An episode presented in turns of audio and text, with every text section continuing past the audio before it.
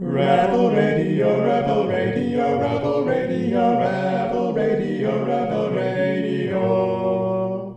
Welkom bij Rebel Radio. Fijn dat je luistert. Het is vandaag maandag 29 november 2021 en we hebben een nieuwe uitzending voor je in petto met als thema kapitalisme en anticapitalisme. Allereerst horen we zo'n gesprek dat Rebel Radio-maker Emma had met Roel. Nou, Roel die is betrokken bij Extinction Rebellion en hij was ook economiedocent aan de universiteit. En met hem duikt ze eerst de schoolbanken in en ze bespreekt wat is kapitalisme eigenlijk en waar hebben we het dan eigenlijk over. Uh, en daarna horen we van Rebel Radio-maker Josje uh, waarom hij zich graag in dit thema wilde verdiepen. Uh, en dan sluiten Linda en Fleur ook aan en, en bespreken we het thema verder. En wie zijn we? Uh, Aaron en ik zijn vandaag jullie hosts. En ik ben Esther, even voor de duidelijkheid. Ja, dank je Esther. Um, allereerst gaan we dus naar Emma en Roel. Hey, uh, voor het item over nou, wat is eigenlijk kapitalisme, wat is anticapitalisme? We roepen deze woorden heel vaak, we horen het heel vaak. Um, wat zit hier nou achter? Ik ben zo iemand die economie heeft gehad op middelbare school, er wel eens een boek over heeft gelezen, maar ook een beetje zit van, nou, ik durf nu niet meer te vragen wat dat eigenlijk allemaal betekent. Uh, om dat dus uh, op te lossen, uh, hebben we hier Roel zitten. En Roel is rebel, heeft, heeft economie gegeven aan de universiteit. Dus wie beter om ons dat uit te leggen dan Roel. Roel, dankjewel dat je hier bent. Welkom. Ja, dank je. Um, om maar misschien gelijk met de deur in huis te vallen. We gaan gewoon gelijk in het diepe beginnen hoe verhoudt kapitalisme zich nou tot de markt? Want iedereen heeft het ook in Nederland vaak over marktwerking. Is dat hetzelfde? Hoe werkt dat? Ja, dat is uh, eigenlijk een hele goede vraag. Um, want uh, daar kan ik een heel makkelijk antwoord op geven. Het antwoord is nee. Het is niet hetzelfde. uh, het is niet hetzelfde, nee. Um, de markt of marktwerking of markteconomie is een deel van wat je kapitalisme noemt. Het is een soort van een voorwaarde, maar niet genoeg om iets kapitalistisch te noemen. Dus kapitalisme, wat is dat dan wel? Um, nou ja, het is gewoon een systeem van hoe wij uh, organiseren wat we produceren uh, en hoe we dat verdelen en hoe mensen hun levensbehoeftes krijgen en zo. -hmm. en dat heeft eigenlijk drie factoren. De eerste is eigenlijk de belangrijkste, daar krijgt er ook zijn naam van. Namelijk dat de productiemiddelen in privébezit zijn van bepaalde mensen. Nou, die noemen we dan kapitalisten, want productiemiddelen noemen we ook wel eens kapitaal. Dus dat zijn dan bijvoorbeeld fabrieken, ehm, maar ook restaurants of een ziekenhuis of dat soort dingen. Uh, dus dat is het eerste gedeelte. Uh, maar dan zijn de twee andere gedeelten die je eigenlijk nodig hebt om iets kapitalistisch te noemen, zijn dat um, die kapitalisten andere mensen inhuren om voor loon voor ze te werken. Hè, dat noemen we dan de, de arbeiders. Uh, en die, die, het belangrijk ding is dat die daar afhankelijk van zijn. Dus die zijn niet zelfvoorzienend. Zij zijn een soort van afhankelijk van de nou, de labor market, de arbeidsmarkt. Ja. ja, want als jij in de bedieningen werkt, jij hebt zelf niet het restaurant, maar je hebt wel een restaurant nodig om in de bediening te kunnen werken. Ja, precies. Ja. En je hebt ook niet genoeg land om uh, zelf genoeg eten te groeien om, uh, om uh, te kunnen overleven zonder dat je in de bediening werkt. Ja. Dus je, dat is het eerste gedeelte. Oké, okay. productiemiddelen in privébezit. Tweede gedeelte, loondienst. En dan heb je het derde gedeelte, en dat is dan eigenlijk de markt. Uh, en dat is dat alle goederen, of bijna alle goederen, geproduceerd worden om op de markt te verkopen. Dus die producten worden weer, die worden niet voor de mensen zelf geproduceerd, mm -hmm. maar die worden geproduceerd zodat ze ze kunnen verkopen, zodat ze daarmee geld kunnen verdienen. Check. Om daar dan weer spullen van te kopen op de markt die zij misschien hebben. Ja. ja. Ja, dus je hebt inderdaad de arbeidsmarkt, maar je hebt ook een soort van de markt voor producten. Dus die drie dingen, hè, de productiemiddelen of uh, kapitaal in privébezit, loondienst en de markt, dat samen, dat maakt uh, kapitalisme. En daar zijn ook eigenlijk alle stromingen het wel over eens. Dit is een vrij algemene uh, definitie. Um, dus de markt is een soort van deel van het verhaal, maar niet het hele verhaal. Nee, en je zou ook, je hebt misschien ook andere economische systemen die anders zijn dan kapitalisme, maar ook een markt hebben? Ja, bijvoorbeeld, ja. ja. He, dus je kan, uh, het mooie aan deze definitie is eigenlijk dat je ziet dat je verschillende gradaties van kapitalisme kan hebben. Dus Mhm. je kan bijvoorbeeld, ehm, al het land kan bijvoorbeeld eh, van de overheid zijn, maar de rest van de productiemiddelen kunnen in privébezit zijn. Nou ja, noem je dat kapitalistisch? Ja, misschien nog wel, maar minder kapitalistisch dan eh, eentje waar alles privébezit is, bijvoorbeeld. Ja. Eh, maar je kan dus ook ehm, eh, bijvoorbeeld een, wat sommige socialisten noemen, een marktsocialistische samenleving hebben, waar alle productiemiddelen niet in privébezit zijn. Die zijn of van de staat of van de arbeiders zelf. Mhm. Maar dat je nog steeds wel produceert voor de markt. En dat je die Ja. dingen nog steeds wel op de markt verkoopt. Alright. En eh, nog één ding is dat dus, en ik noem het al een beetje, Mhm. maar die productiemiddelen, als die niet in bezit zijn van privépersonen die andere mensen inhuren, dan kunnen die dus door verschillende groepen eh, bezit worden. Dus je kan hebben, oké, de staat bezit die produ- productiemiddelen, Mhm. of je kan zeggen de arbeiders zelf. Er zijn dus ook verschillende alternatieven eh, voor. Ja, maar zou dat dan nog steeds eh, kapitalisme zijn als de arbeiders bijvoorbeeld de- uiteindelijk de eigenaar zijn van de fabriek of niet? Of is dat dan een gradatie van?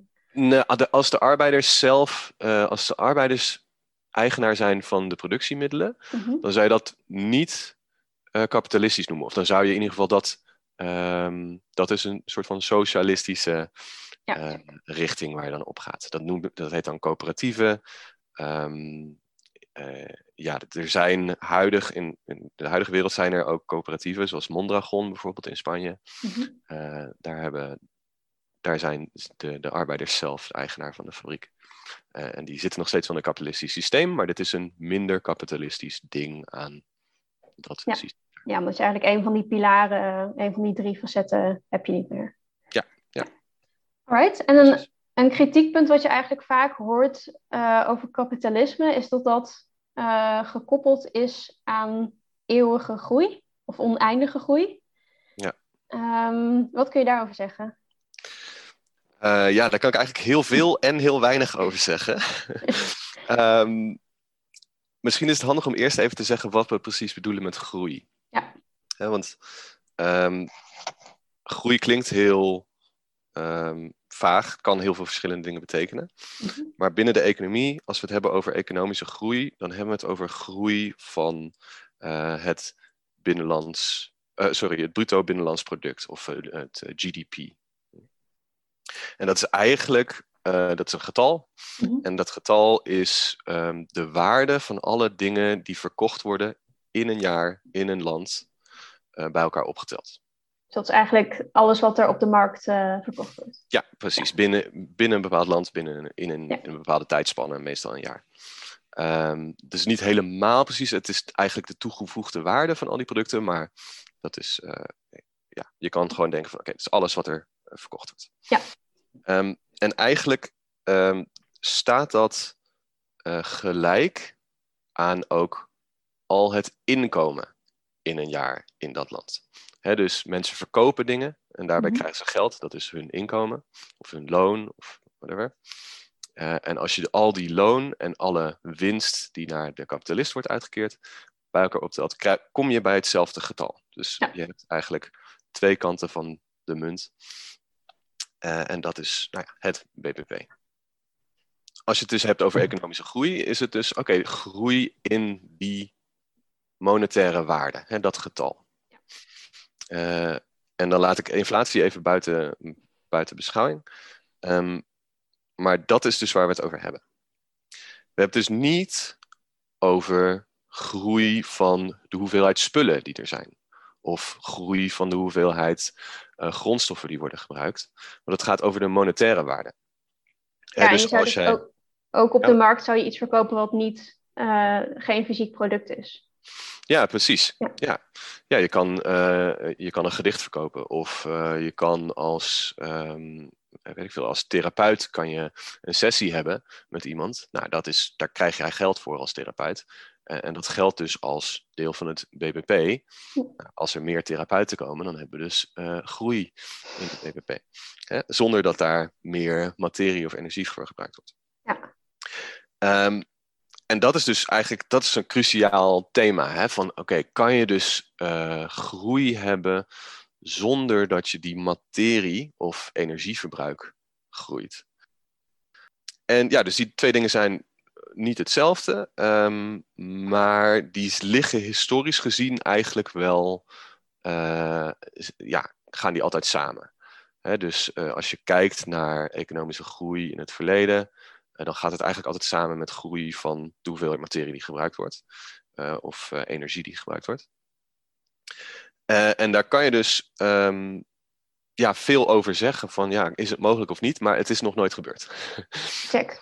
Want nu wordt eigenlijk de groei en de uh, krimp van de economie eigenlijk gelijkgesteld aan vooruitgang en achteruitgang. Maar als je het zo uitlegt, denk ik van dat hoeft dus niet per se te zijn als we bijvoorbeeld stoppen met dingen kopen waar we dan toch van bedenken van nou, misschien vinden we dit niet zo belangrijk. Ja, precies. Nou ja, eh, er zijn wel uh, redenen waarom in het huidige systeem waar we zitten economische groei uh, een goed ding is. Um, nou is die hele geschiedenis van economische groei en of dat goed is, is super interessant. Daar kan ik echt uren over praten. Uh, zeker, wat ik altijd heel leuk vind, is dat degene die überhaupt dit cijfertje heeft uitgevonden, Simon Kuznets, mm -hmm. die heeft dat uitgevonden in de, ten tijde van de Tweede Wereldoorlog in Amerika. En toen was het echt bedoeld om soort van te meten van hoeveel kan de Amerikaanse uh, uh, economie produceren voor de oorlog. Uh, maar Simon Kuznets zelf zei al zo van kijk uit, wat dit nummertje betekent, is niet welvaart. Oh, Als dit hoger wordt, betekent dat niet dat we het beter hebben. En dat is die gast die het heeft bedacht zelf, ja. die zei dit al in het begin. Nou, dus die rolt nu rond zich af. ja, precies. Als je daar een dynamo op zou zetten, zou je waarschijnlijk ja. heel veel energie kunnen opwekken. Um, dat is dus inderdaad gewoon, die discussie is al zo oud als, als dat cijfertje zelf. Maar uh, redenen waarom het in ons huidige systeem, zoals het nu eruit ziet, op zich wel belangrijk is, is. Nou, een voorbeeld is bijvoorbeeld dat uh, wij als economie steeds productiever worden.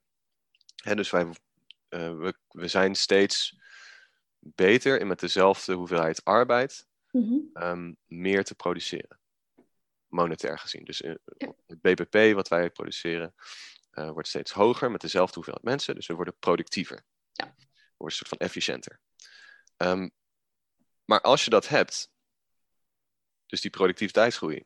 Mm-hmm. Zonder dat je uh, groei van het BBP hebt, betekent dat dat je minder mensen nodig hebt. Ja, want je kan, als je met dezelfde hoeveelheid mensen, dezelfde hoeveelheid arbeid meer kan produceren, ja, dan en je, je gewoon... produceert hetzelfde, dan heb je minder mensen nodig. Precies. En hoe heet dat? Nou, dat heet werkeloosheid. Hè? Als, Ja. als er meer mensen, eh, als er minder mensen werken. Dus in het huidige systeem, waar we steeds productiviteitsgroei hebben, uh, moet de economie dus groeien om uh, evenveel mensen aan het werk te houden. Ja, dus om te, en ook om te voorkomen dat mensen werkloos worden. Maar dat is Ja. natuurlijk dan ook heel erg gerelateerd aan het feit dat we één, het belangrijk vinden dat mensen werken. En twee, dat het eh, voor jezelf heel rot is om in het huidige systeem werkloos te zijn. Omdat je gewoon Ja. een hele lage uitkering krijgt. Ja, precies. Dus dat is weer een van die, een van die aspecten van de definitie van kapitalisme. Hè? Dat je in loondienst zit en dat je afhankelijk bent van de markt. Ja, als we dus en productiviteitsgroei hebben en je hebt dat die mensen in loondienst. Mhm. eh, en we hebben, nou ja, slechte, slechte bij, eh, bijstand en zo. Ja. eh, dan hebben we dus groei nodig, soort van. Eh, er zijn ook andere manieren waarop je mee om kan gaan. Dus je zou bijvoorbeeld kunnen denken: oké, we, we verkorten de werkweek, waardoor we ehm, nog wel dezelfde hoeveelheid mensen aan het werk zijn, maar eh, dat iedereen gewoon net iets minder werkt Mhm. op die manier. Maar dan moeten we dus ons systeem gaan omgooien. Hè? Dus in ons huidige systeem is dit nodig. Ja, dus dat is, dat is één van de redenen.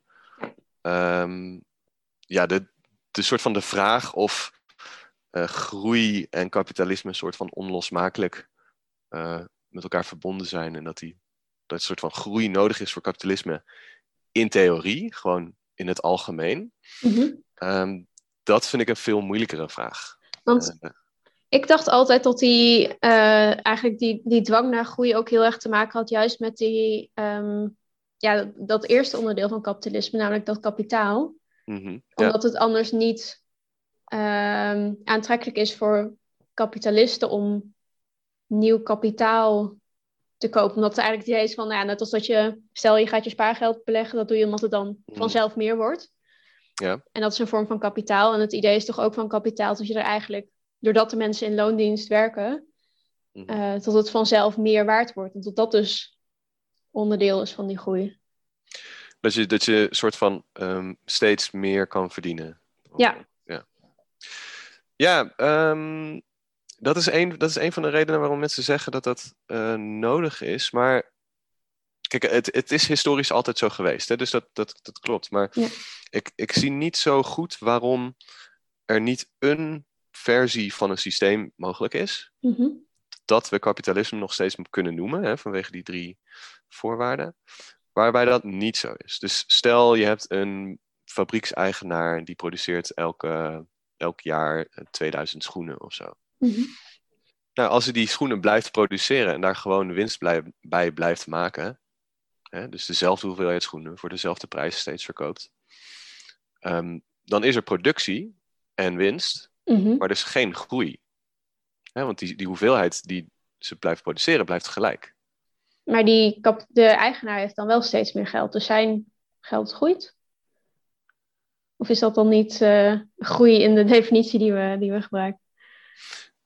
Ehm, nou ja, het ligt eraan wat die met zijn geld doet. Hè, kijk, als, als die kapitalist eh, elke, nou ja, die, die, die, die winst die die maakt, steeds eh, uitgeeft aan ehm, feestjes en aan eten en aan eh, mooie vakanties en zo, hè, dan, Mhm. dan is er niet per se groei. Hè, dus het, het, is, het komt er wel vaak zo op neer dat het zo is. Hè, die kapitalisten die, ver- die, die verzamelen steeds meer geld en die, eh, die, die, die, die trekken steeds meer rijkdom naar zich toe. Dus dat, dat klopt. Maar het is niet noodzakelijk. Nee, hij zou ook gewoon in therapie kunnen gaan en gedichten kunnen gaan kopen. Ja, precies. Ja. Ja. En, en daarom. eh, dus het- is heel lastig om dan te zeggen van ja, nee, maar het is intrinsiek aan kapitalisme. Ja, we hebben tot nu toe alleen nog maar dat gezien. Maar ehm, als we gaan zeggen van ja, we willen geen groei in kapitalisme en we willen een eh, soort van groene eh, versie van kapitalisme, dat wordt een gigantische verandering. Dus misschien is dat die verandering ook wel eh, zo dat er dan geen groei is. Weet je? Dat, dat, Ja. ja. Ik vind het heel lastig om te zeggen dat dat absoluut niet kan. Nee, nee Ehm. maar het is misschien dan ook van in, in theorie kan het, maar misschien de aard van de mens in dat systeem. Nou, dat is een hele, misschien een hele psychologische, filosofische discussie. Ja.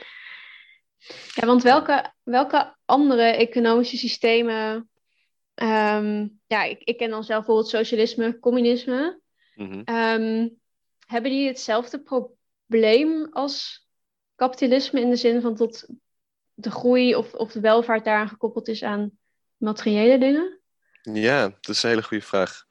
Ehm, dus ja, ja, we hebben heel veel andere economische systemen gehad. Hè? Dus we hebben bijvoorbeeld, nou ja, als je in de, in de geschiedenis terugkijkt, we hebben jagers-verzamelaars gehad. Hè, dat was dus eigenlijk dat ehm, ja, niemand de, de, de productiemiddelen bezat. Niemand bezat het land. Mensen leefden gewoon van het land. Ehm, ja, dat was niet heel vervuilend en dat, dat, dat was ja, ook een best wel aardig systeem om in te, in te leven. Mhm. Het is, vaak denken mensen dat dat heel naar een heel, heel kort leven was, maar dat valt eigenlijk best wel mee. Het was best wel een mooi leven wat die mensen hadden. Maar er kunnen maar heel weinig mensen op de hele aarde eh, zijn en dan zo'n systeem hebben. Ehm, Er heeft iemand ooit eh, uitgerekend dat er ongeveer 80.000 mensen op het heel Verenigd Koninkrijk zouden kunnen wonen als het eh, in de stijl Oh, van wow. jagers en verzamelaars zou zijn. Nou, dat is echt een, wat is het, een factor 100 of zo. ja, Dus ehm, ja, als je dat doortrekt naar de hele wereld, dan een vrij in, naar toekomstbeeld. ja, precies. Moeten Dan zouden er een paar echt vrij heftige miljarden dood moeten gaan. En dat willen we juist voorkomen, geloof Ja. ik. Nee, Ehm, dus eh, dat is niet zo'n goed idee, denk ik. Dat is gewoon niet haalbaar. nee. Ehm, dan hebben we nog slavernijsysteem. Eh, dat is ook voor overduidelijke redenen niet zo Ja, eh, ook niet eh, wat we feodaal systeem hebben we ook nog. Dus in de middeleeuwen had je een soort van eh, landheren en horigen. En die horigen die, die ja, tot op een zekere hoogte bezaten die wel het land, maar die moesten een soort van eh, eten afdragen aan hun landheer en zo. Mhm.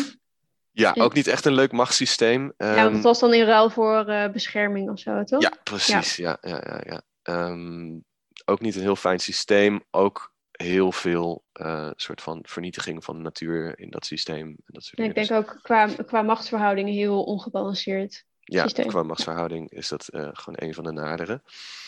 Ehm, nou, dan hebben we kapitalisme. Ja. We all know it and love it. Eh, not.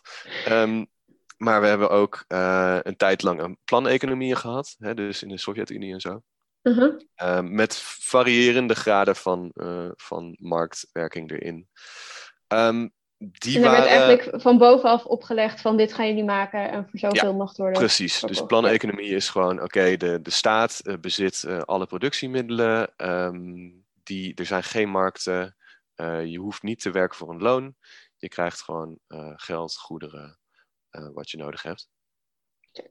Ehm, ja, dat, dat ja, Eh, eh, het, het heeft wel de Sovjet-Unie veranderd van een landbouwland naar een, eh, totaal industriële natie. Dus het heeft wel iets eh teweeg gebracht. Ja. Ehm, maar eh, om nou te zeggen dat dat eh, groen was of iets dergelijks, dat is totaal niet zo. Het, het was Nee. ook enorm vervuilend. Het was gewoon een industrieel land.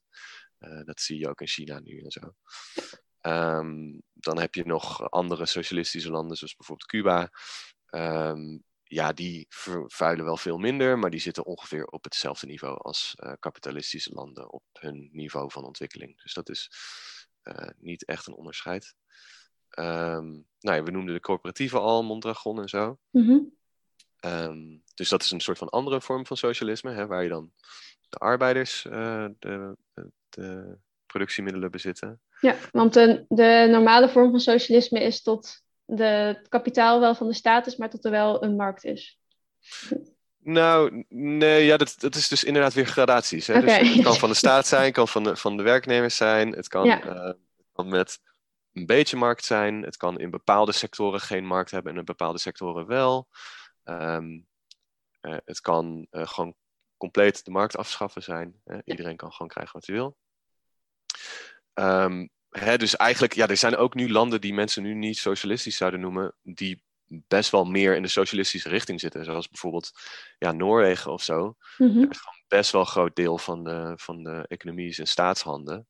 Eh, daar is, eh, er zijn mensen minder afhankelijk van de markt dan bijvoorbeeld in Amerika om te, te overleven. Ja. Eh, dus die zit op een aantal van die dingen gewoon meer in de richting van socialisme. Ehm, ja, waar was ik bij? eh, De coöperatieve. ja, oh, de coöperatieven. ja, Ja, ja. ja. de coöperatieven, kijk, die zijn eh, beter voor het welzijn van hun werkgevers, eh, werknemers en zo. Maar Mhm. ehm, Mondragon maakt bijvoorbeeld ook gewoon onderdelen voor auto's. En ja, moet nog steeds overleven in een kapitalistisch systeem. Ja. Dus Coöperatieve vormen kunnen dus ook, zou je dus als arbeiders massaal kunnen besluiten om hele niet duurzame dingen te gaan doen. Alleen het enige verschil is Ja. dat je die macht hebt. Ja, precies. Ja. Ja, ja. ik vind, ik, ik- toen ik hierover na aan het denken was voordat we eh, begonnen, toen bedacht ik me ook dat eigenlijk heel veel eh, oliemaatschappijen, dat zijn gewoon staatsbedrijven. Dus Ja. dat zijn op een bepaalde wijze ook niet-kapitalistische bedrijven. Eh, hè, Noorwegen of Aramco of zo. Ja, Eh, ja, ja, dat is wel dus dat- grappig. Ja, ja. en de, de NAM is ook een soort van monster Ja, conglomeraat. van, precies. Allemaal hele leuke organisaties. Ehm, Het zijn allemaal onze vrienden. ja, Ja, precies. maar ja, je hebt dus allemaal verschillende systemen. En daar, ja, in ieder geval historisch gezien zien we daar ook van, nou, het is niet per se duurzaam. Nee. Ehm, wat moet er dan wel veranderen in onze economie om wel duurzaam te worden? Als dat niet per se het sy- systeem is, als ik je goed begrijp, maar Ja. het gaat, er gaat wel iets fout. Ja, precies. Nou ja, wat, wat natuurlijk wel met die systemen is, hè, dus bijvoorbeeld een planeconomie of een marktsocialistische economie of staatsbedrijven, hè, gewoon Mhm. een, een kapitalistisch systeem waar een groot deel van de bedrijven in staatshanden zijn. Ehm, in die systemen hebben de bedrijven wel minder macht om te beslissen Mm. wat we produceren, eh, bij wie dat terechtkomt eh, Ja. en dergelijke. Ehm, en ja, als je een Saoedi-Arabië hebt, die beslist lekker om gewoon veel olie te, te- op te pompen. Ehm, maar als je mensen aan, de, aan het stuur hebt die besluiten om eh, dat niet te doen, Mhm. hè, dan is dat makkelijker in zo'n samenleving dan in een samenleving waar bedrijven heel veel macht hebben. Ja. En heel veel invloed hebben op het eh, politieke proces en heel veel invloed als lobbyisten en in het ondersteunen van politici met eh, weet ik veel geld en dergelijke. Dus het is wel degelijk zo dat ehm, het waarschijnlijk waarschijnlijk makkelijker is in zo'n systeem om eh, iets te doen wat een oliemaatschappij niet leuk vindt. Ja, want het is ook eigenlijk, als ik je dit nou hoor zeggen, denk ik ook van eigenlijk is kapitalisme dus qua economie heel ondemocratisch. Want de beslissingen worden, en zeg maar in een puur kapitalistisch systeem worden beslissingen gemaakt door de kapitalisten en, en wat mensen willen kopen. Ja, precies. Ja, ja dus dat winstmotief van, uh, van kapitalisten, mm dat kan in bepaalde situaties wel problemen geven, omdat ze dus proberen de politiek te beïnvloeden, zodat ze meer winst kunnen maken, et cetera. Ja. Um, en ja, ik weet niet, ik, vind, ik moet altijd in deze context denken aan uh, ja, de mobilisatie van de economie tijdens de Tweede Wereldoorlog. Want um, tijdens de Tweede Wereldoorlog, toen is de Amerikaanse economie gewoon compleet omgegooid. Hè, ter illustratie, uh, aan het begin van de, de Tweede Wereldoorlog produceerden ze ongeveer 3000 uh, vliegtuigen per jaar. Uh, en aan het einde van de Tweede Wereldoorlog in 1945 toen produceerden ze gewoon 100.000 vliegtuigen per jaar. Uh, nou, dat is wel gepland door, de, door de, de regering als het ware. Dat hebben die uh, kapitalisten niet zelf bedacht. Ja. Uh, en het was ook gewoon letterlijk zo dat ze de regering op, bij dat soort mensen terechtkwam en zei van, nou oké, okay, jullie gaan nu dit doen de komende jaren. en als jullie dat niet doen, dan is dit bedrijf niet langer van jou, dan is het nu van ons. Weet je wel, dus gewoon echt met dreigementen. ja, is dat dan zijn dat dan nog kapitalisten? Of is de regering dan eigenlijk de baas van die bedrijven? Ja, precies. Is dat nog kapitalisme? Ja, kan je over discussiëren of niet. Um, maar dat is wel gewoon nodig. We, we, moeten nu echt de economie gaan mobiliseren. Uh, en een bepaalde kant op met ons land. Ja. Uh, hoe we dat precies doen, door te nationaliseren of door uh, in overleg met kapitalisten het anders te doen. Ja, daar kunnen we over discussiëren welke net iets beter is. Maar ja, het gaat erom dat we dat doen. Ja, het gaat erom dat we gewoon een hele grote U-turn maken. Ja. Of uh, ik weet niet, een U-turn of naar links of naar rechts. Ja, ja. Maar in ieder geval niet meer deze kant op. Ja, precies. Ja. ja, en ik denk ook, ik vond, ik vond het heel mooi. Um, er is een science fiction schrijver, uh, Kim Stanley Robinson. Mm -hmm. Ik was een, uh, een praatje van hem aan het luisteren. En hij zei dat um, je politieke voorkeur of je politieke identiteit heeft eigenlijk een, een hij noemde het een timestamp erop, dus een, een tijd je kan wel zeggen van, oh ja, ik ben anticapitalist, ik ben communist, ik, uh, of zo. En dan zegt hij van, ja, weet je, oké, misschien ben je communist over 50 jaar, maar nu zijn we het er gewoon over eens wat we moeten doen. Nu gaan we deze kleine stapjes zetten. En dan kan je communist noemen of anarchist of, of gewoon uh, uh, sociaaldemocraat of zo. Mhm. Nou, we zijn het nu allemaal eens dat we de macht van bedrijven minder moeten maken. We zijn het allemaal eens dat we lobbyisten moeten aanpakken. Hè? En dat, dat eerste stukje, nou, dan maakt het mij niet zo uit of je dan over 50 jaar daar wil belanden of daar. Um, ja, dus um, ja, dat, we, dat, wil ik eigenlijk mensen tot oproepen. Zo van, denk niet te veel naar over waar we naartoe gaan, maar ga, bedenk gewoon na wat is de eerste stap. Uh, en ik denk ja. dat dat macht van bedrijven inperken is uh, in ons politiek systeem.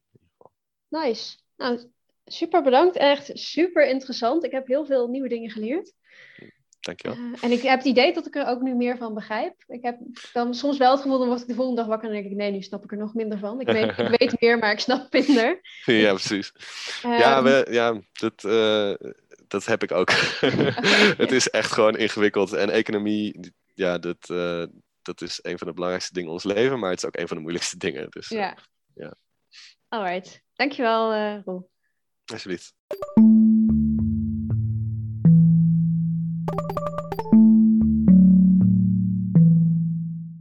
Ja, dat waren Roel en Emma. En dan gaan we nu naar de column van Josje. Zo hebben we het genoemd. Een column, maar dan ingesproken. Uh, want Josje die kwam uh, eigenlijk uh, met het idee om iets te gaan maken over kapitalisme, over patriarchaat. En hij heeft dus een column opgenomen om uit te leggen waarom, ja, waar, hoe hij daar zo op kwam. Klimaatactivisme is voor mij niet per se een hobby, maar een pure noodzaak. Als we willen hopen dat onze kinderen en kleinkinderen een leefbare wereld hebben, dan zullen we de klimaatramp zoveel mogelijk moeten beperken en de oorzaken ervan zullen moeten worden begrepen en vermeden. Hoe heeft het zover kunnen komen, vraag ik me af. Wat is de mensheid als soort overkomen dat ze zo ongevoelig is geworden voor de natuurlijke systemen die haar leven dragen en garanderen? dat ze juist deze systemen aan het vernietigen is, met alle gevaar voor eigen leven als direct gevolg. Naast de menselijke warmte en emotionele support voor elkaar binnen Extinction Rebellion, is het enige leuke aan klimaatactivisme dat het ook mijn denken telkens opnieuw weer wakker weet te schudden. Zo kwam ik laatst tijdens de klimaatrebellie in Den Haag in een blokkade terecht die het thema droeg: Stop het patriarchaat. Daar moest ik grondig over nadenken wat dat nu precies met de klimaatramp te maken zou kunnen hebben. In Glasgow, tijdens de demonstraties rondom de COP26, was er voortdurend veel aandacht voor de inheemse slachtoffers van uitbuiting van natuurlijke grondstoffen in hun leefgebieden door de westerse mogendheden en bedrijven. Ik hoorde een inheemse vertellen dat niet alleen de inheemse volkeren niet aanwezig mochten zijn bij de onderhandelingen van COP26, dit ondanks het feit dat de inheemse volkeren zorg dragen voor 85% van alle biodiversiteit, maar ook dat deze volkeren hun rechten en hun land worden ontnomen. Dat ze voor terroristen worden uitgemaakt en dat hun matriarchen worden vermoord of gewoon zonder spoor verdwijnen. Matriarchen. In een patriarchaat heeft het mannelijke deel de leiding of gedraagt zich als de baas. En in een matriarchaat ligt de leiding bij het vrouwelijke. Dit dan meestal in samenwerking. In de oudheid waren er tijden dat er naast mannelijke godheden ook vrouwelijke godheden bestonden en aanbeden werden. Kennelijk zag men in die tijd reden om zowel mannelijke als vrouwelijke eigenschappen op waarde te schatten. Zoals bijvoorbeeld, grof geschetst, egocentrisme, zelfredzaamheid en kracht als zogenaamde mannelijke eigenschappen en altruïsme, zorgzaamheid en empathie als zogenaamde vrouwelijke eigenschappen. Ik wil niet zeggen dat mannen geen vrouwelijke eigenschappen kunnen bezitten of vrouwen geen mannelijke. Maar het lijkt er sterk op dat toen we ophielden vrouwelijke goden te vereren, wij ook ophielden het zogenaamde vrouwelijke in de mensheid op correcte wijze te erkennen als even belangrijk als het zogenaamde mannelijke. Het lijkt erop dat in het verlies van het respect voor de zogenaamde vrouwelijke eigenschappen de oorzaak ligt voor het verlies van aandacht voor het belang van de ander. Het lijkt erop dat daardoor het eigen belang hoogtij heeft kunnen vieren en een ongeremd misbruik van macht en kracht voor eigen belang de westerse samenleving heeft doen afglijden naar slavenhandelen en nog steeds uitgebreid voorkomende landroof en grondstoffenroof. Het hedendaagse dominante economische systeem, het moderne kapitalisme, vertoont alle kenmerken van een ontwrichtend patriarchaat. Gebrek aan empathie, gebrek aan altruïsme en gebrek aan zorgzaamheid. En het schaamt zich op geen enkele manier voor misbruik van macht en kracht om de persoonlijke winsten van belanghebbende bedrijven en naties te vergroten. Het verlies van het gevoel van verantwoordelijkheid voor de ander zet het kapitalistische systeem ertoe aan de vernietiging van de leefomgeving te negeren. En door een zo goed als ongeremd gebruik van fossiele brandstoffen roept het mogelijk een enorme klimaatramp over de mensheid af.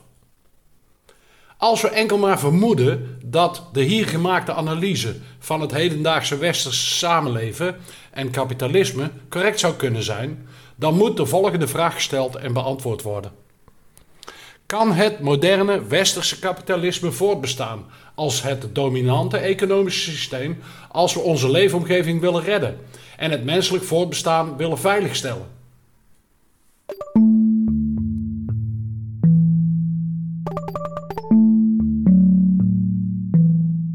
Dus we hebben met ons in de Zoom-meeting Linda en Fleur. Linda en Fleur, um, best heftige vraag. Wat zijn jullie gedachten? Zal ik beginnen? Zal ik mezelf even kort voorstellen? Ik ben um, Linda, ik ben, vijf, nee, ik ben niet 35, ik ben 36. ik woon in uh, Amsterdam-Oost. En ik ben uh, van 2019 tot en met begin 2021 heel actief geweest bij XR. Uh, en nu ben ik ehm, sinds een tijdje ook heel actief bij Bijeen. Dat is een anticapitalistische partij. Die gaat voor uh, ja, radicale gelijkwaardigheid door middel van uh, anticapitalisme. En uh, ja, ik denk dat de vraag die je stelt een hele relevante vraag is, omdat het een vraag is waar we als samenleving, denk ik, ontzettend veel moeite hebben om antwoord te geven op die vraag. Ik zou mezelf andersom stellen. Ehm, ik denk dat het makkelijke antwoord nee is. Maar ik denk ook dat een van de pitfalls van onze tijd is binair denken. Kijk, als we kijken naar uh, hoe onderwijs georganiseerd is in uh, Nederland, maar ook in, in andere Europese of West-Europese, uh, het Westen, laat ik het zo noemen, dan zie je eigenlijk dat, ik heb zelf economie gestudeerd en ik ben registeraccountant.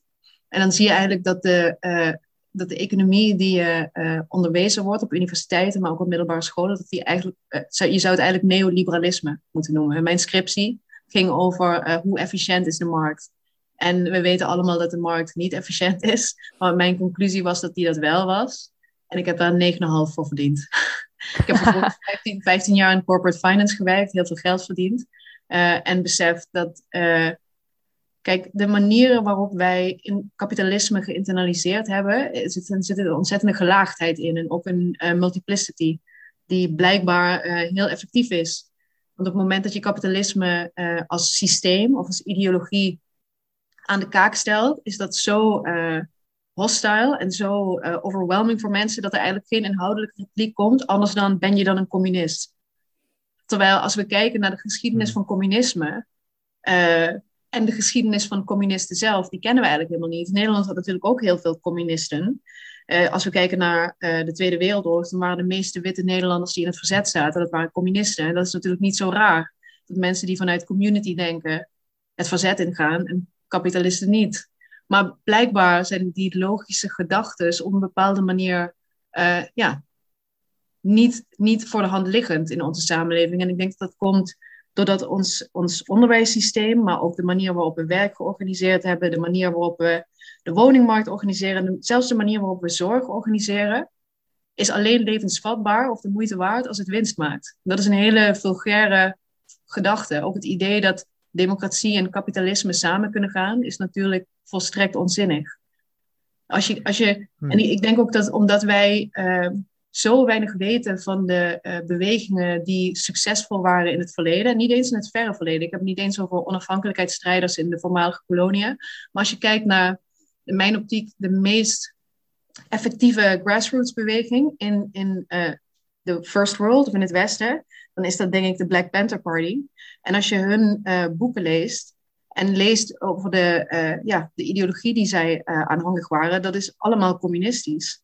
En ik denk dat de grote intellectuele armoede, maar ook spirituele armoede van deze tijd samenhangt met het feit dat onderwijs er zo ontzettend goed in geslaagd is om die geschiedenis, om, om de heldenverhalen uit, onze eigen, uit ons eigen land, maar ook from abroad, om die gewoon uit te wissen.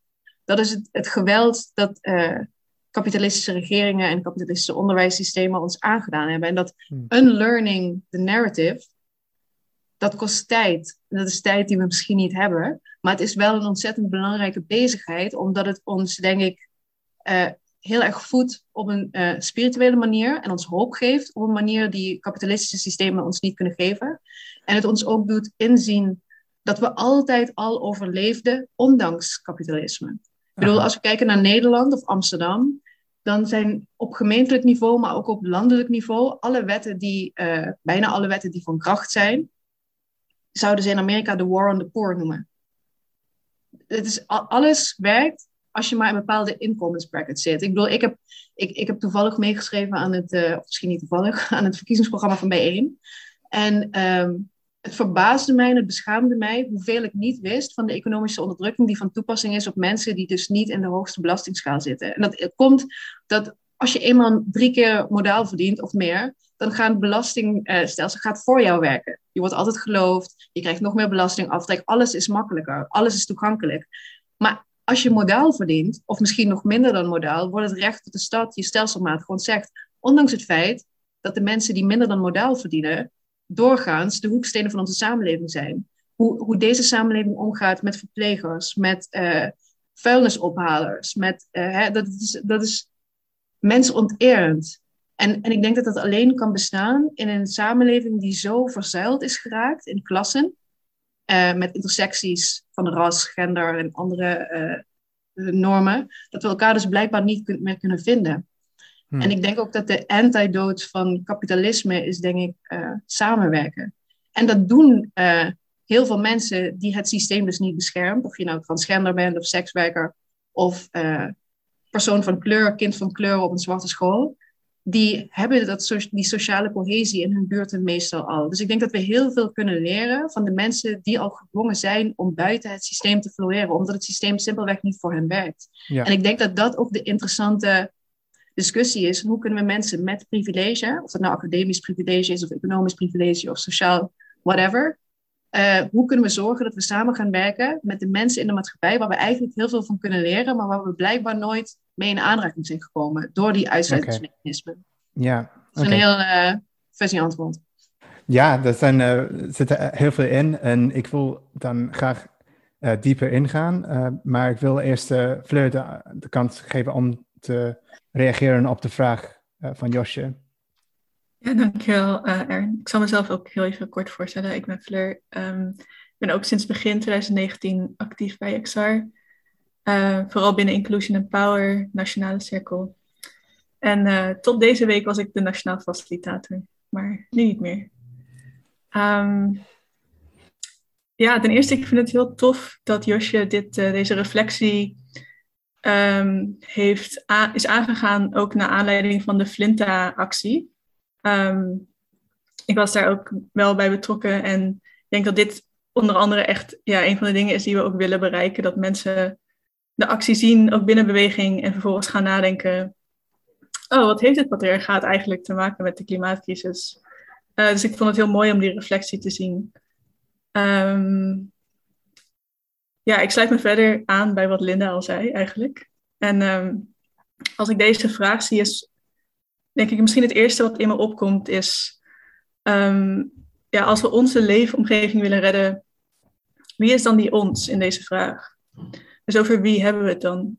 Um, want ik denk dat als we kijken naar het kapitalistische systeem, dat kan alleen maar bestaan dankzij uitsluiting en dankzij geweld.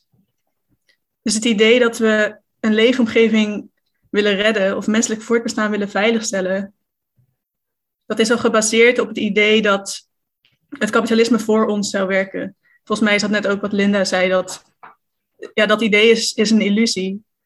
En dat is, geldt misschien voor een klein deel van de mensheid, maar niet voor het overgrote deel van de mensheid. En als we ervan uitgaan dat er zoiets is als een mensheid, wat ik ook best wel vaak zie binnen XR, wat ik ook heel goed begrijp, dan maken eigenlijk al onzichtbaar die um, manier waarop heel veel mensen worden buitengesloten van het systeem. Dus ik denk in die zin dat dit al eigenlijk niet de vraag is die we zouden moeten stellen. Um, omdat het dus uitgaat van het idee dat er een wereld is die we zouden moeten redden. Maar die wereld die werkt al niet voor heel veel mensen. Ja, dankjewel Fleur. Um, en ik denk dat komt een beetje terug op wat, uh, wat Linda zei. Um, je zei dat als je in een hogere belastingsklas zit, dan zie je niet de uitbuiting die eigenlijk uh, existeert. En dan kan je eigenlijk onder de indruk zijn dat het systeem werkt. Um, en dat zijn ook die, uh, onze leiders en um, de mensen in de politiek misschien, die uh, alle van uitgaan, of de meesten ervan uitgaan dat het systeem werkt, omdat ze gewoon dat niet ja. zien.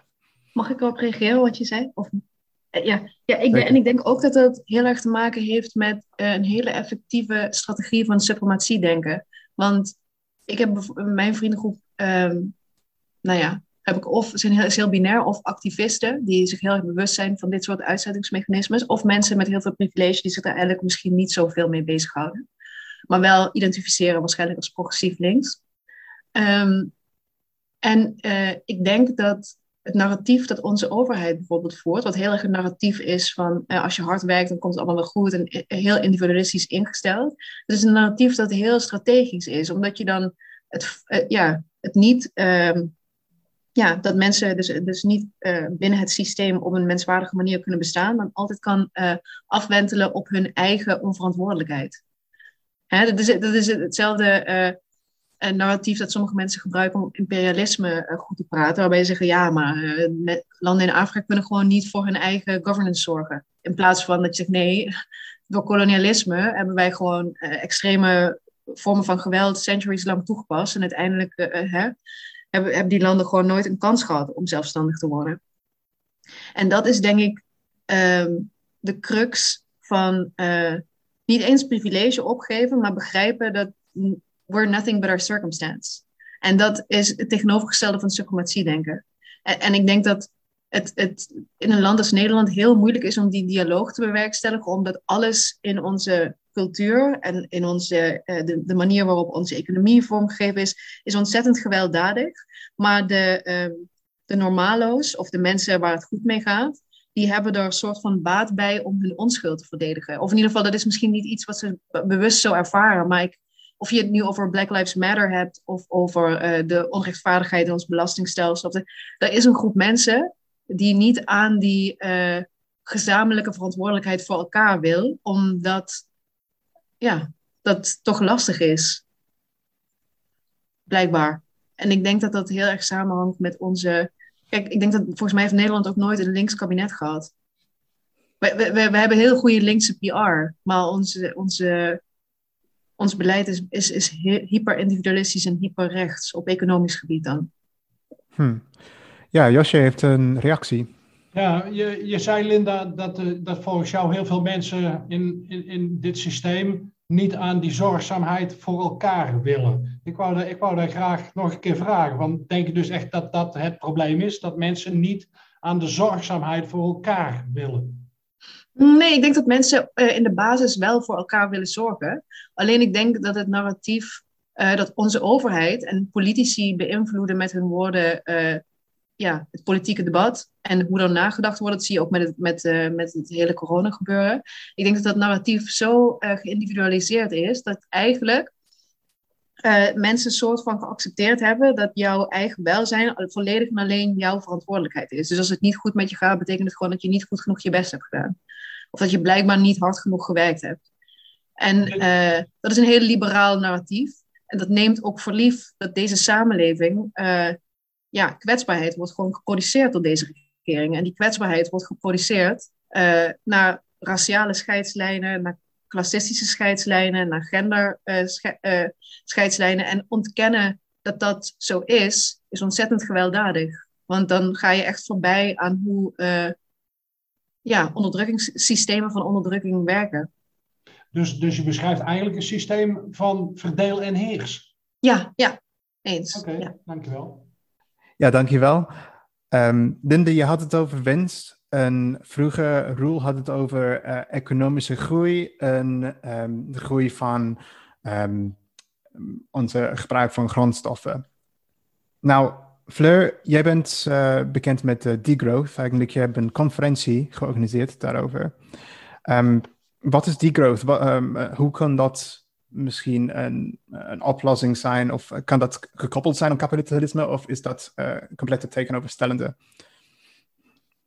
ja, dus degrowth is, um, het is een academische stroming, maar het is ook op bepaalde plekken op een bepaalde manier een sociale beweging. En ja, die growth komt eigenlijk voort uit uh, Europa voornamelijk. Uh, maar heeft ook wel affiniteit met heel veel andere um, gedachtenstromen. En ja, het is heel belangrijk om dat, zeg maar, dit is niet een soort van uniek idee per se. Maar ik denk dat um, in de context van Europa dat het uh, inderdaad een goed perspectief biedt op ook een alternatief voor kapitalisme en economische groei. Um, dus eigenlijk gaat degrowth over een kritiek op economische groei. Dus het idee dat economische groei niet leidend zou moeten zijn in hoe we onze wereld vormgeven. Uh, dus eigenlijk dat, ja, dus wat, waar Roel het ook al een beetje over had, uh, dat natuurlijk winst aan de basis ligt van kapitalisme. Uh, maar dat we in plaats daarvan andere waarden centraal stellen, zoals zorgzaamheid, um, zoals solidariteit, um, zoals dingen delen, uh, simpelheid, dat soort waarden. Um, dus naast dat degrowth eigenlijk een kritiek biedt van waarom economische groei niet verenigbaar is met uh, zorgen voor de planeet en met dat, dat er zeg maar, limieten zitten aan de groei, geeft het ook eigenlijk een visie voor hoe de wereld anders kan zijn. En die visie is niet soort van uniform. ik vond het ook wel mooi dat Roel eindigde met hoeven niet per se een duidelijk idee te hebben van dit is waar we naartoe willen.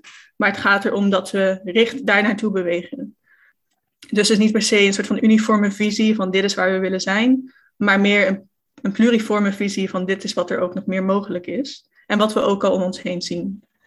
Uh, nou ja, er zijn heel veel voorbeelden van uh, wat degrowth precies is. Dus op de conferentie kwamen er ook allerlei dingen aan bod. Uh, we hadden het over feminisme, over zorg, over decolonialiteit, maar ook over um, voedselsystemen en hoe die een degrowth ja, maatschappij eigenlijk dichterbij kunnen brengen. Dus het is heel divers wat voor thema's er allemaal aan bod komen. en wat ook wel ja, tof is, is dat het ook eigenlijk een soort van academische, activistische en de praktijk bij elkaar probeert te brengen. Uh, nou ja, en door COVID waren er wel veel uitdagingen, maar goed, het, is nog steeds wel, het was nog steeds wel heel bijzonder, denk ik. Ja, dat klinkt inderdaad heel bijzonder. Esther, je hebt een vraag. Ja, ik was wel benieuwd. Uh, Roel die zei inderdaad aan het eind van we hebben die kleine stappen die moeten we gaan zetten. En ik ben wel benieuwd, Fleur of Linda, of jullie een idee hebben van wat zijn nou de eerste stappen. Bijvoorbeeld Roel had het over we moeten als eerste stap eigenlijk de macht van de bedrijven minder groot maken. Maar wat voor ja, ideeën hebben jullie daarover? Misschien Linda mee te beginnen omdat Fleur net aan het woord was. Ja, ik, ik denk dat, um, het klinkt misschien een beetje cheesy, maar ik denk dat er zoveel hmm, onderwijsachterstand is in Nederland specifiek op zeg maar, de beweging. Zeg maar, op, in, we, weten ook bijna, of nou, de, de gemiddelde Nederlander weet bijna niets van de provo's. Of van, weet je, er is, er, is heel veel al gebeurd voor ons, waar heel veel solidariteit, liefde en sacred cycles of care echt centraal stonden. Dus we hoeven helemaal niet um, te beginnen from scratch. Dus ik denk dat onderwijs heel belangrijk is want ik denk dat de thema's die nu spelen allemaal uh, intersectioneel met elkaar verbonden zijn, maar voor veel mensen voelen als allemaal separate bandjes of zo. Dus je hebt de racismecrisis, institutioneel racisme, de belastingcrisis, de wooncrisis, de klimaatcrisis. Maar, eh, maar de intersectionaliteit daarvan is soms moeilijk uitleggen aan mensen die niet belezen zijn. Dus ik zou willen zeggen dat, dat als ik, als ik één ding zou willen doen. Want ik denk dat we, we, hebben, we hebben iedereen nodig. We willen niemand achterlaten. En we staan nu op de drempel van een nieuwe wereld. En we, moeten iedereen meenemen. Dat is de opdracht. Maar dan is het het beste om mensen mee te nemen die uh, belezen zijn. Dus dan, dan heb ik het over antikoloniale boeken. Uh, inspirerende antikoloniale boeken. Het is niet, het is, uiteindelijk is het allemaal anti-nazi-staat. Onze staat natuurlijk een ontzettend gewelddadig koloniaal project is. Maar het, het zijn ook boeken die inspireren en die... Uh, die ons leren welk gedeelte van onze geschiedenis uitgewist is, maar waar we wel heel erg veel reden voor hebben om trots op te zijn.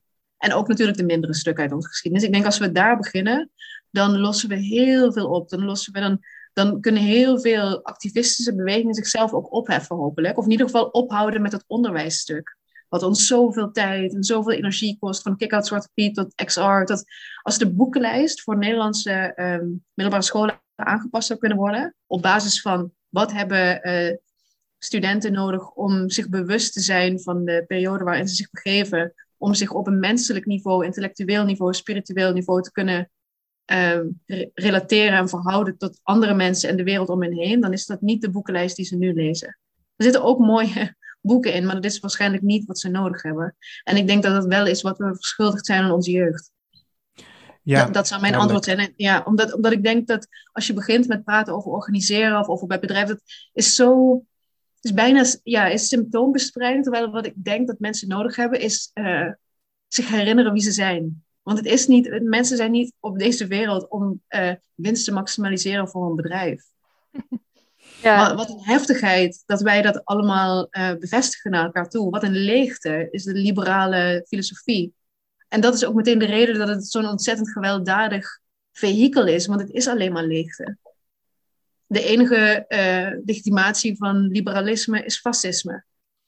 Mensen begrijpen ook nooit het hoe gewelddadig uh, of uh, noem je uitgesproken Wilders of Baudet of whoever wordt, hoe beter het voor Rutte is. Want zijn enige, zijn enige narratief is, ja, maar ja, dit, dit is allemaal heel moeilijk, maar anders heb je dat dit is een hele negatieve manier van naar de wereld kijken. Dus ik heb geen antwoord op hoe moeten we die nieuwe wereld bouwen. Maar ik denk dat het begint bij herinneren wie wij zijn. En dat is niet een negatief narratief, het is een heel positief narratief, denk ik.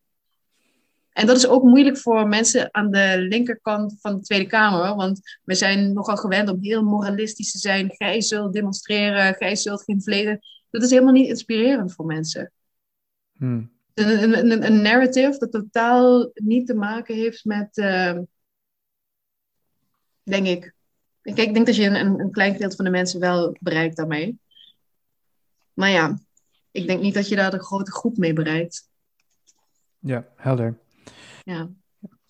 Ik ben, um, ik ben benieuwd, uh, Flair, um, heb je een reactie erop of heb je eigen um, ideeën hoe we de praktische eerste stappen kunnen nemen? Kleine stapjes was de vraag. Ja, het is nogal een vraag. uh, nou ja, ik werk ook in het onderwijs, dus ik ben het ook eens met wat Linda zegt. En ik ben ook wel uh, van de boeken. Ik ben ook bewapend gekomen met een stapeltje. Um, de kijker of de luisteraar kan het niet zien, maar um, ja, ik denk um, alle stappen die we zetten weg van commodificatie, dus weg van marktrelaties, waar Roel het ook over had, um, en weg en richting meer zorgzaamheid, meer solidariteit, um, meer verbinding, minder onderdrukking. Ik denk dat dat allemaal goede stappen zijn. En ik ging hier nog iets aan toevoegen wat ik nu weer helemaal kwijt ben. Oh ja, er zijn ook zoveel alternatieven zijn er ook al. Um, ik denk, ja, als we praten ook over kapitalisme, doen we soms alsof het zo'n soort van all-encompassing systeem is. En dat is het ook op een bepaalde manier. Um, maar bijvoorbeeld Gibson Graham, dat zijn twee mensen, maar ze schrijven samen onder de naam Gibson Graham. Uh, twee feministische economische geografen. Zeg je dat zo in het Nederlands? Klinkt heel gek, maar maakt niet uit. Um, zij schrijven ook over dat eigenlijk het kapitalisme is niet totaal. Er zijn zoveel andere niet-kapitalistische vormen van met elkaar omgaan, die nu al bestaan, uh, maar die worden uitgewist of die we niet zien op het moment dat we doen alsof het kapitalisme overal is. En dan kan je denken heel simpel aan vrijwilligerswerk of grootouders die op kinderen passen. Dat zijn vormen van op niet-kapitalistische manier met elkaar omgaan, uh, die we allemaal kennen, waar we allemaal deel in nemen. Uh, en dat zijn volgens mij al alternatieven. Dat is volgens mij al een soort van verzet. En dat is denk ik ook de basis waarvanuit we verder kunnen komen. Helder. Um, mijn gedachte die eigenlijk de aanleiding van Linda antwoord, maar ook de aanleiding van Fleur antwoord op kwam, was aan de regeneratieve cultuur die we proberen in Extinction Rebellion uh, op te bouwen. Uh, uh, is, dat, is dat wat we als kleine stap zouden moeten kunnen doen of kunnen moeten doen misschien? Wil je dat um, naar buiten de beweging of binnen de beweging? Nou, ik denk als het binnen de beweging sterk is, dat het ook naar buiten de beweging zal groeien. Ja, ja ik, ik, ga, er, ik ga er vanuit praktisch uh, aspect op antwoorden als je dat goed vindt. Want ik uh, denk dat het afwijkt van uh, conceptueel. ja, ik denk dat de regenerative culture een, een goed idee is. En ik denk ook dat het zeker weten de hoekstenen is van de beweging en de manier waarop we elkaar accountable kunnen houden voor onze eigen gezondheid en de gezondheid van de beweging.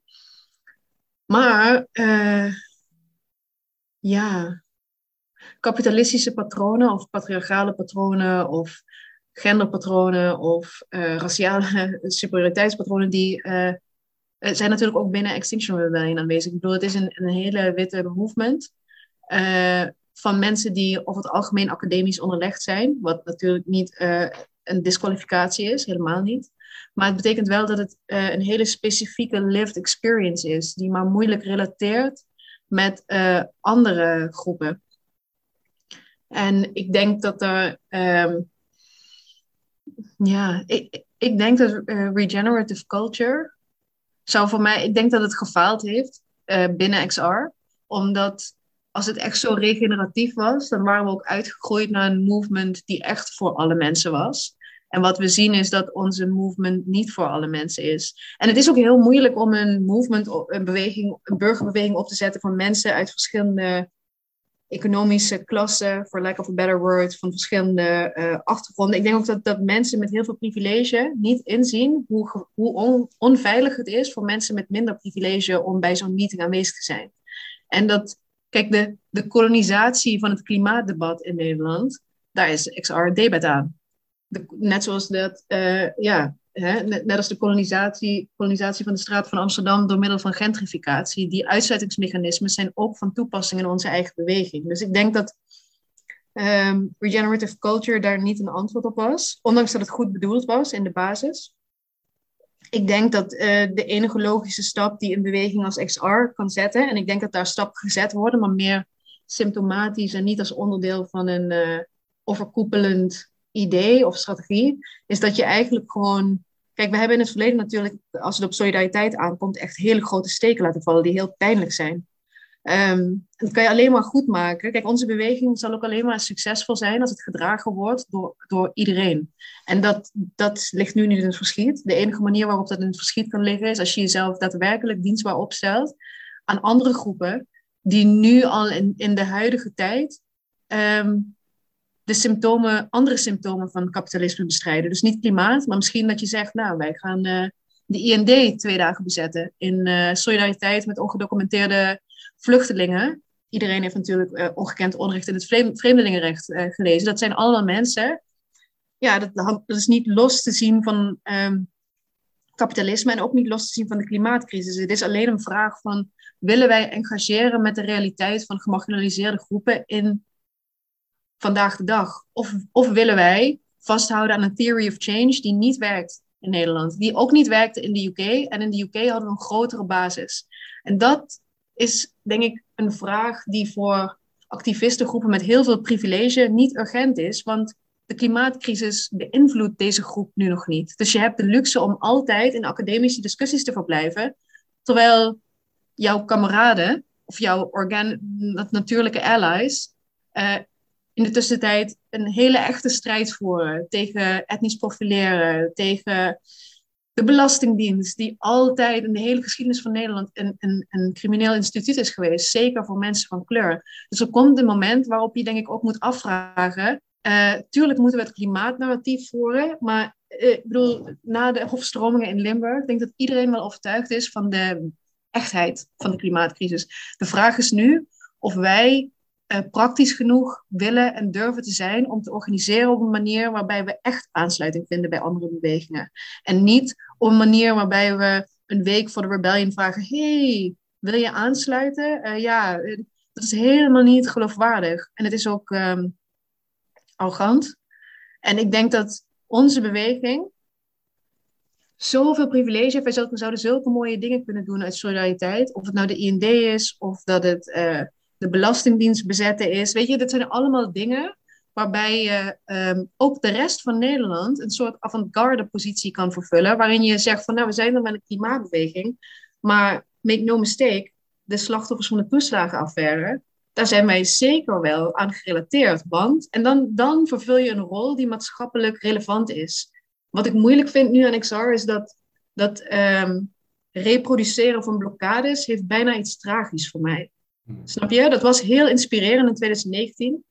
En, uh, maar waar zijn, onze, uh, waar zijn onze allies? Hoe kan het dat het nog steeds een wit... Dat is tragisch. Als je in 2021 een blokkade organiseert die 99% wit is, heb je helemaal niets neergezet. Dat is mijn persoonlijke optiek. Hè? En ik, vond het, ik, en ik denk dat we, daar, dat we die rol heel serieus moeten nemen. Niet alleen uit onze verantwoordelijkheid naar andere gemarginaliseerde groepen, maar ook naar onze eigen drie eisen. Want die drie eisen kun je, of vier eisen kun je alleen inwilligen als je meer mensen meekrijgt. Maar dan moet je wel durven in de realiteit te staan. Snap je? En ik denk ook dat gemarginaliseerde groepen ons heel veel kunnen leren over regenerative culture. Maar het is wel eng. En uncomfortable, et cetera. En heel uh, onvoorspelbaar. Dat, dat is het ook. Ja, dat zou mijn antwoord zijn. Ja, dank je Linda. Um, ik denk daar is veel in te gaan. Ik denk te veel voor um, deze uitzending. Maar zeker kunnen we dat, uh, of uh, een paar van die punten bespreken in een latere uitzending. Ik denk dat is um, ja, terechte kritiek op ehm, onze tactiek, ik denk. En ehm, ik weet dat er van, andere, eh, van vele kanten van de beweging eh, pogingen zijn ehm, gedaan om met andere bewegingen te ehm, verbinden en voor de uh, strijden van andere bewegingen in te zetten. Ehm, maar ja, dat kan nog steeds meer. Zeker, dat wil ik ook niet, niet doen. We hebben heel veel, we zijn al verbeterd. Alleen ik denk dat, dat het niet een sideshow moet zijn, maar je main show. En dat is het verschil. Snap je wat ik bedoel? Dat, Ja. dat is het enige. Want ik, ik denk dat de, die Rebellion Week, dat, dat is mijn enige punt. Ja, nou ja, ehm, in verband met de tijd, ehm, ik wil Fleur de kans geven om erop te reageren en misschien ehm, eh, iets toe te voegen wat eh, je aan de luisteraars wil vertellen. Ja, ik denk voor mij is een van de belangrijkste soort van functies van XR is om mensen die zich zorgen maken over de klimaatcrisis, maar verder daar niet een heel groot idee bij hebben van hoe hangt dat dan samen met iets als kapitalisme of hoe, hoe is dat dieper geworteld? Ehm, eh, hoe hangt het samen met patriarchaat, met kolonialisme? Om die mensen eigenlijk bij de hand te nemen Ehm, en meer te leren over hoe systematisch die klimaatcrisis is en hoe het samenhangt met verschillende vormen van onderdrukking die we om ons heen zien. Voor mij is dat een van de belangrijkste functies die XR heeft.